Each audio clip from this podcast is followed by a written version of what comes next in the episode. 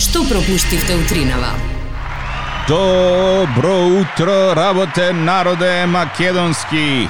Денеска е вторник, 30 јуни. Конечно се ближи и крај на месецот кој што во себе ги сумираше сите временски е, периоди од зима па се до лето. На здравје нека ние. Од утре вртиме нова карта и конечно утре мислам дека ќе бидеме е, барем на половина од месецот. Е, Зорка повторно со нас. Де да видам се се дали правиш? Се се се се. Не прави Зорка се. Ајде уште еднаш се се се. ССС.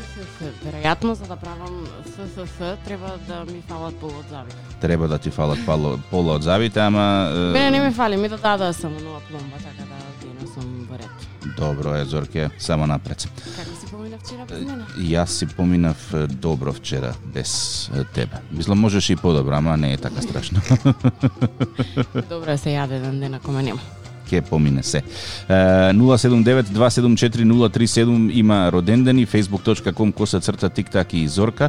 Зорка не дошла со празни раце утринава. Ма не, Веднаш е, постирам да видите што Зорка како добра колешка има донесен Да, утринава. ова е многу добро за подарок од проста причина што е, кога ќе го подариш, означува дека на човека му посакуваш се најдобро. Што точно значи и што точно ти подарив ќе видат на Инстаграм и на Фејсбук.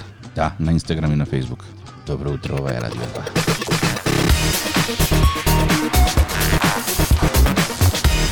Денеска повторно најава дека температурата ќе биде над 30 степени. Е, заладување нема во блиска иднина. Ќе си Веле, остане Зошто нема затоа што Пекол беше вчера, не знам дали забележа. Значи не се дишеше, не беше топло, туку немаше воздух.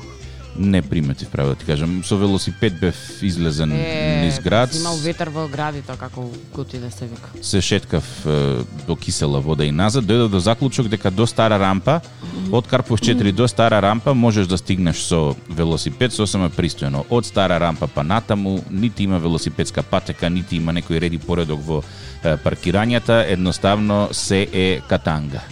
Што се Е, фати за уста така наеднаш како да Извини, прочита не, нешто Да, прочитав нешто и морам да споделам со тебе. Дали знаеш ова цвеќе тука што го пресадувавме како се вика? е, антуриум. Да, ама знаеш ли како му е народското име? Не, Ајде загледај го убаво, на што те асоцира? на ништо. Се вика машка среќа. Ова се вика машка среќа. Зошто? Не знам. Ке ви донесам многу среќа во љубовта. А јас посакам да те демантирам дека тоа што ти го донесов не е дрво на на парите, туку е дрво на љубовта. Фактички тоа е како му да ге грмушка еден вид, дрво грмушка. Машала. Да, ам, собно растение раста во височина до 30 см и се карактеризира со многу интересни листови во срцевидна форма, затоа и се вика а, на дрвото на, на љубовта и собственикот ќе го направи неизмерно среќен. Машала, Зорки. Гледаш? Браво. Ова не, ми не го тоа, тоа е машка среќа, да, да ти носи поише како да среќа машка. Така. Машка. Фреквенција да ти донесе повеќе, а ова е да ти донесе повеќе љубов, ова што што ти го донесам, да. Па добро е Зорке, нека има Дали љуб. јас тоа мислам дека е, конечно е време да се засериозниш? Јас Да, па ти донесов дрво на љубовта, не знам стварно. и јас сум мислам Зорке доволно сериозен, нема што повеќе тука да се засериознуваме и одсериознуваме. Не знам, едноставно, м, кога го видов, знам дека треба да ти го донесам, знам дека сакаш кактусти и скулани, па е, решив дека ова треба да го краси твојот дом. Инаку вчера ми стигна пратка, е, види, кога купуваш нешто онлайн, особено кога купуваш на да ти пушти е, од таму, да речем, вработената камера и да си одбираш, значи имам некој Така купуваше онлайн? Е, да, имам една, една посебна врска помеѓу мене и, и господјата која работи таму. И тоа не се е, скопски растенија, туку се растенија од а, ресен. Секогаш кога има нов наплив на цвикиња, значи господјата таму ми се јава и ме остава на камера малку да си разгледам и си одбирам ова, ова, ова. Знаеш кога одбираш вака се кажа, о, пече цвикиња. Два цели пакета. Два Стигање пакета вчера, купи два Зорке. цели пакета а, растенија. Немав кај да ги ставам. Се уште немам кај да ги ставам, па некако ги преполовив едните во во дневна, едните во ходник. Меѓутоа мислам дека е, не е добра идеја за за шопинг заради тоа што немаш контрола колку си купил. Ај колку си потрошил, колку можеш на цвеќе да потрошиш. Некој знае колку. Меѓутоа немаш контрола колку си купил. Кога вчера стигна, маш ми се фати за глава. Ти не си нормал. Имаш ли ти таков проблем да, да немаш контрола кога купуваш нешто? Не, само пари кога купувам. Значи, Кога кога одам, купуваш да, кога одам на варијанта да купам од денар и евра и обратно, е тогаш зорке губам секаква Купуваш се што ти е во Секаква дилер. можна контрола губам, значи н- нема крај тоа. А, туку друго ми е прашањето, не само мене, и на, на Пит Симонс на, на Facebook. Зошто е цвекева завиткано во алуминиумска фолија? Нешто против 5G или... да не фаќа многу зраци. Не, е, за завиткана во алуминиумска фолија заради тоа што ако му ставиш сега вода а не е пресадено, ќе ти истече на сите страни.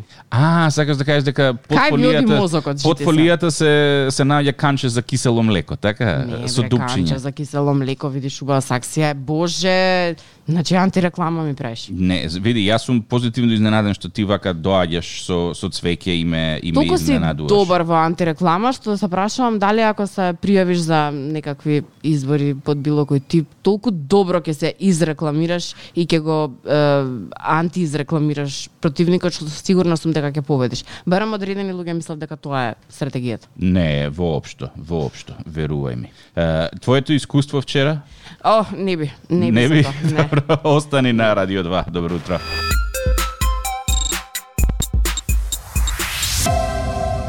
Добро утро. А, гледам е, зорке луѓе многу често излегуваат, е, даваат изјави пред телевизија, ама малку имаат проблем да го репродуцираат она што што сакаат да го кажат, па секогаш како спикери на вести буп со со ливчето. Пе тоа спикерите на вести во раните 90-ти години престанаа да читаат од од лист затоа што Да. тоа го бодеше во очи гледачот, па почна да читаат од телепромтер или монитор позади камера, за да не се гледа ливчето. А еден куп, е, лица кои што даваат изјави на телевизија, почнувајќи од е, средношколци, представници на синдикати, па нагоре на е, скалилото Да, ми е на интересно ваквото. тоа, да.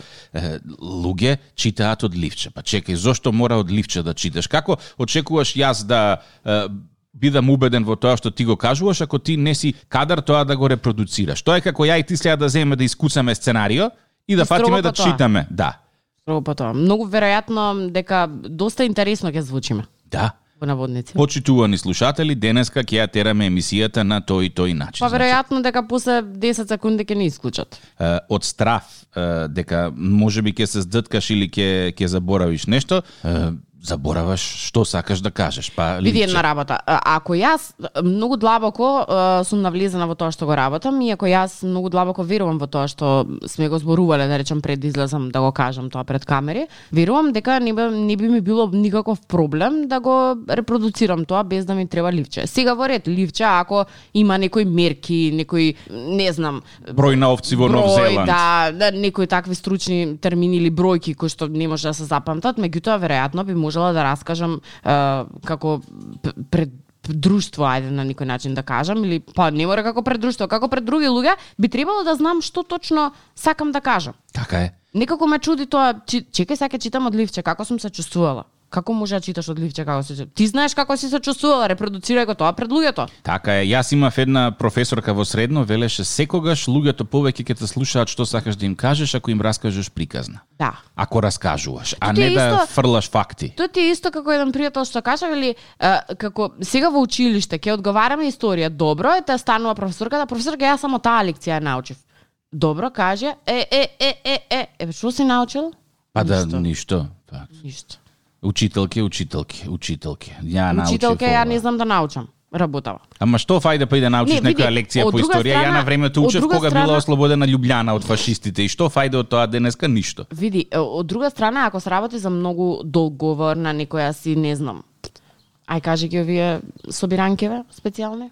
Какви собиранки? Па не знам представници ви- од високи кругови што седнуваат. билатерални, трилатерални сега средби, тие таму управни има- одбори. Тие таму има бре текст цела книга да прочиташ. Во ред Да. ми е тогаш да прочиташ, во ред ми. е. И тоа па не ми е во ред да прочиташ, него како да се подсетуваш, подсетнега ти бе, значи веројатно за тоа луѓето се платени за да изрепродуцираат она што треба да биде кажано. Некако и многу сигурно и самостално е, и уверливо настапуваш ако ти веруваш во тоа што го кажеш. Ако јас треба да седнам да прочитам, се чувствувам како да си ми дал ти ливче зорке ова треба да Ама кажеш. тоа почнува зорки од најмали години. Еве гледав сега средношколци ве дава изјави по повод матурите. Со ливче? Со ливче, сите Со до еден. ливче? Да. Викам ве средношколци сте, кажете го тоа што што планирате да го да го кажете, ама не, средношколска работа, мислам, И врти после се случај. чудиме зошто на вести гледаме луѓе што читаат од ливчиња.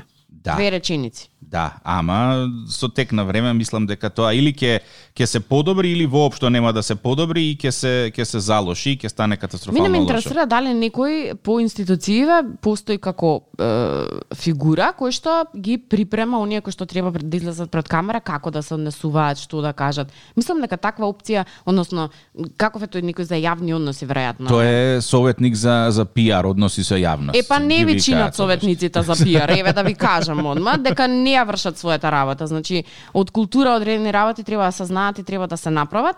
Е, не знам по која основа се дали всушност кривицата лежи во во тие луѓе кои што ја работат таа работа или во оние другите кои што не ќе да послушат, не знам. Стаса едно прашање колку овци има во Канада. Јас се извинувам, Липчето бројот на не ми е овци во спремно. Канада не беше дел од лекцијата. Во Нов Зеланд ги учевме овците во географија по седмо оделение. Ама ако ќе ми напише Ливче тиктак, излезам на пресконференција и ќе ви го кажам. Е, Ти, Зорке, почни полека полека да спремаш вести, а Магица има роден ден и вртиме за 5 минути. Остани тука.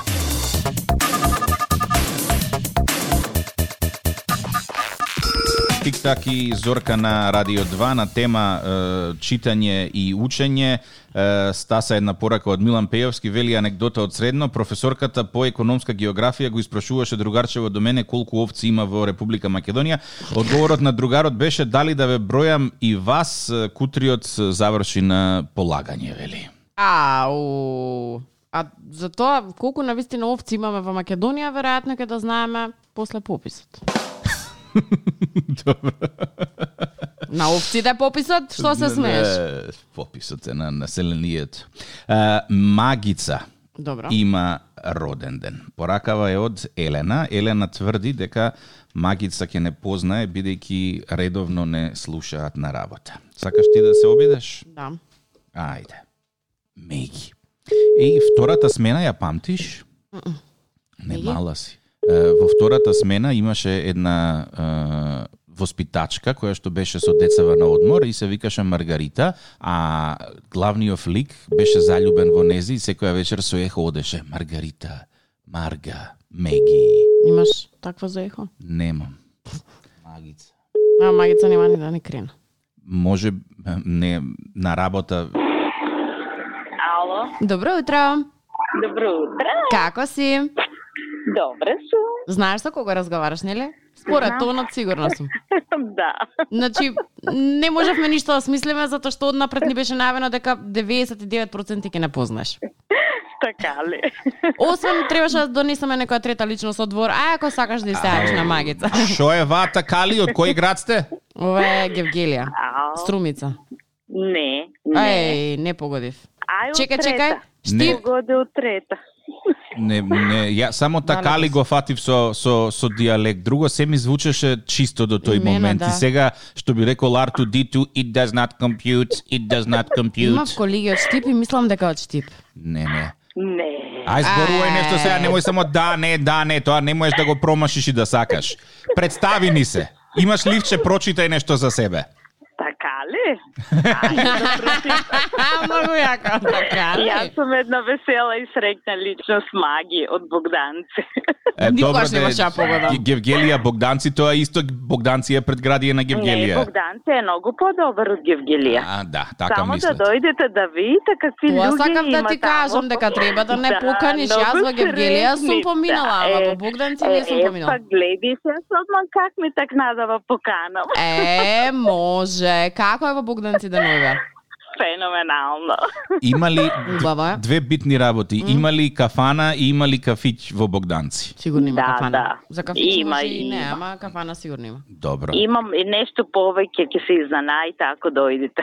Што има? Сега ме Па копка. нешто многу убаво, многу фини луѓе. А тоа, за тоа одиме Да. најмногу. Извини, господјо, фините луѓе сите во Финска отидоа, затоа и Финска се вика. А, не, грешка сте. Нешто останај во Богданци. Не, На мене друго место нема. Богданци, на мене мене на друго ме асоцира. Значи Богданци во старата македонска митологија е место Аха. каде што се давале даноци на Господ. И таму Бог, Господ, данци, даноци, Богданци, таму се принесува жртва. Да, и за, а, не, Одлично, не, и тоа за што ти тоа го што дадов. баш Бог е со нас и за тоа ние останаме позитивни и фини. Ми се допаѓа. и не заминаме за фински. Знаеш, а, гласот и расположението ти е како на особа која што треба да ја има секој во својот живот, од Сабале да му се јави. Види колку е расположен од Сабале. А од Сабале, значи, Да. не дај Боже, некоја ме праша, девојче, колку е сад, мрш. Знаеш Ja каков намчо резорка од Сабајле? 24-7. Има нешто со Богданци и сакам да одам и да проверам. Да Е, провериш. па за тоа баш и кажах. Здравје, цело лето е пред нас, може да се видиме. Е, Сега секако ти ги имаме и, и податоците, така што нема се чудиш ако те изненадиме некој викенд. Мгм. Не, уопште ве чекам. А ти затоа ќе чуеш по едно парче торта заради тоа што е, нели ние со најдобри намери сакаме да ти го честитаме роденденот. Е, Честитката е од Честитка да ти е од Елена Кујунџиева. О, пала много, мојата најдрага колешка. Италија од Богданци? Не. А, не е од Богданци Елена. Е, Колку време е, треба да стасаш од еден до друг крај на Богданци пешки? Зависи колку брзо одиш. Ако си Зависи од како кој мене, крај до крај. Ако си како мене, многу брзо. Колку е тоа брзо? Помалку од 5 минути или повеќе од 5 минути? Повеќе од 5 минути. Повеќе, добро. Значи, Да. толку многу ме закопка како изгледа Богданци, јас сега го гуглам, а е, ние ќе ти посакаме приубав роден ден и се надевам дека се слушаме и следната Фала година. многу. Остани е, многу Фала позитивна во многу. расположение, ама негативна на Фала COVID-19 многу, мола. ве бакнувам сите, сите ве сакам и најмногу Елена што многу се сетила на мене да ме изнанаде. E, baš mi je drago. E. Se slušame. Radio 2. Имав една песна денеска, ама не е за вторник и за среда, туку е за Коледа и Леда. Е, трет, не, втор роден ден денеска вртиме кај е, Рената. Добро, а кажи ми не, нешто. Јана, извини. Кај Јана, добро. Јана е фармацевт. Аха. Од кој е честитката? Честитката е од Рената. Аха. Нема да може да не следи денеска, уште синоќа ја пишела пораката. Јано мори. Ало, Ало, добро утро. добро утро. Како си? Добро сум. Стигна ли на работа? А, Втора смена сум. Ау, и втора смена работите? Да, А, добро. Види, работам тука у лабораторија и е, најдов нешто ново. Е, мислам дека може бум да направиме. Тетрабино, канабино, бино. а кој е на телефон? Е, Доктор Горан. Мгм. Јана, ти си? Јас сум, да. Да, значи правевме нели експерименти да најдеме нова субстанца која што ќе излечи све. И е, најдов конечно значи на на зајчињава во лабораторија со тетрабино канабиното све им се среди за 5 минути, ракот го снема. И сега може Нобелова награда да бараме или да го шиткаме негде патентов у Швајцарија. Мгм. Сакаш? Сега синтетизирам уште уште едно 150 милиграма, е, сестра Нада тука се матка околу тоа Ја кондензаторот, тетрабин, да, точно ќе ја запише Да, запишам. сестра Надо формулата хемиска за да можева да го не синтетизира. преформулата, да, да запишам Јана дали ќе учествува. Јана кажу и ќе учествуваш у трудот или не, брзо. Ова ќе биде breakthrough во светската медицина. Во да, Македонија е измислено. Список на луѓе кој учествувал, како учествувал, зошто учествувал. Јана, ало? Ама јас не ве знам вас. Ма како не? Леле, зошто луѓе во се прават Како дека бе, не, не не знаат? Не. Не не знаеш. Па колку пати во ходник сме се разминале, здраво сме си рекле. Јас сум тој со брадичката. А пресо мине кафе, има пиено. Абе, се сеќава сега може да не, рас- не е расунета. Каде во ходник? А, Лево вратата од десна страна што е до црвената, до лабораторијата на Гојко. Немој сега да ми кажеш кој Гојко. Не го знам. Јана. Добро, ти со кадрово си правила муабет у скоро време, знаеш кои ти се колеги овде? Работиме на, с- на синтетизирање на нов лек што ќе лечи е, рак и сите можни болести. Ултра. Сигурен си дека на таа Јана Каде, која што во ни која треба лабораторија? и го имаме бројот, дека Па- е таа таа Јана што ја бараме? Та е бе. Јана, да се сетам. чекај да провериме тука Лабораторија. податоци некои да, да провериме лични податоци дали си ти. Ќе ја провериш лични податоци те откачи. Сега ако ни крена, срекни сме. Не, мислам дека и снема вакво батерија. Не, ја мислам дека снема мовет. Не, одма среќен роден ден. Нема ти крена да те бора, жал ми е. Сестра Надо. Ништо. Е, пропадна. Да, многу ја растегнавме работата денеска. Добро. А, среќен роден ден, е, Јана. Што Ќе друго пишеме да ти SMS кажам? во Ке ти секој пратиме случај, да. СМС, да. А, а вие ке слушате музика, ние да капешуваме СМС. Ова е Радио 2. Добро утро.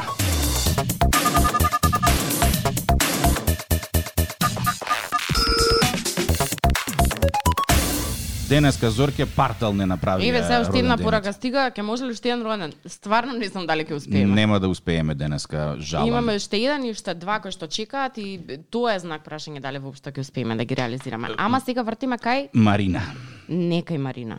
Роденденот е од Марина наречен кај О, Ало, здраво, сестра Мирјана, како си? добро, добро. Да не гужва денеска на работа. Па, се уште не е, само Дамјан, се почнуваме. Да, да, ја- да ја бутнеме жена ми преку ред некако? А со кој разговарам? А, Боби. Боби, не можам да се сетам само момент. А зашо е жена ти? Зашо треба да А, прегледуваме? нешо кашла и кашла и кива и кашла и кашла и многу кашла. Температура има ли? Има температура, глава ја боли, нема осет за вкус, нема осет за мирис, вчера и потури в буковец со печурки и не ги Ама, осети. меѓу- Сите симптоми на вирусот има. Не, така. А што се смееш ти ако ја ги имам симптомите, ги имаш и ти бе. Бе, не, Заедно бе. живееме. Сестра Мирјана, среќен роден ден. благодарам, Тик так благодарам. така и Зорка од Радио 2, честиткава ти е од е, Сестре, од сестра ти Марина. Лале, какво изненадување, какво изненадување. Коронарно. Па, многу. коронарно, многу коронарно. Но Како весело се, дали вака весело би се воат пациенти? Е, ние имаме ковид, ама ако може да направиме рентген. Верувам дека не. Тука те пробали, тука Кажи ми, од кој град си? Во... Јас сум оригинално од село Пепелиште. Добро, а, Тоа е на Сум, Гутинско. Меѓутоа живеам во Струмица. а во Струмица. Добро, реков да не си во Битола случајно па да видиме кои се тие девет души што не припаѓаат на ниеден кластер да ги Ние сме во кластерифицираме. Струмица чисти. Во Струмица нема, почитуваме мислам дека мерки, два-три да, случаи да. има само. Шуба. Па Има едно 10, ама онака дојде ни, иначе народот тука си почитува многу. Ако не се Многу си ги лажам, почитува рече Да, мерките. пепелиште, така? Тоа Да, е да, неготинско. Точно, точно, најубавото село. Најубавата велиш?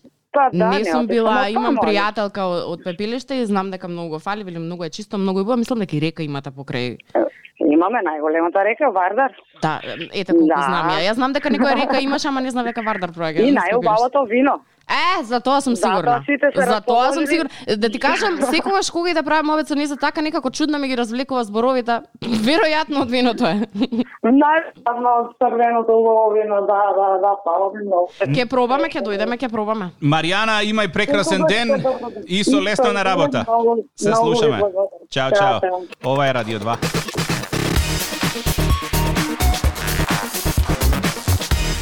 Тик так и Зорка, у, добро утро.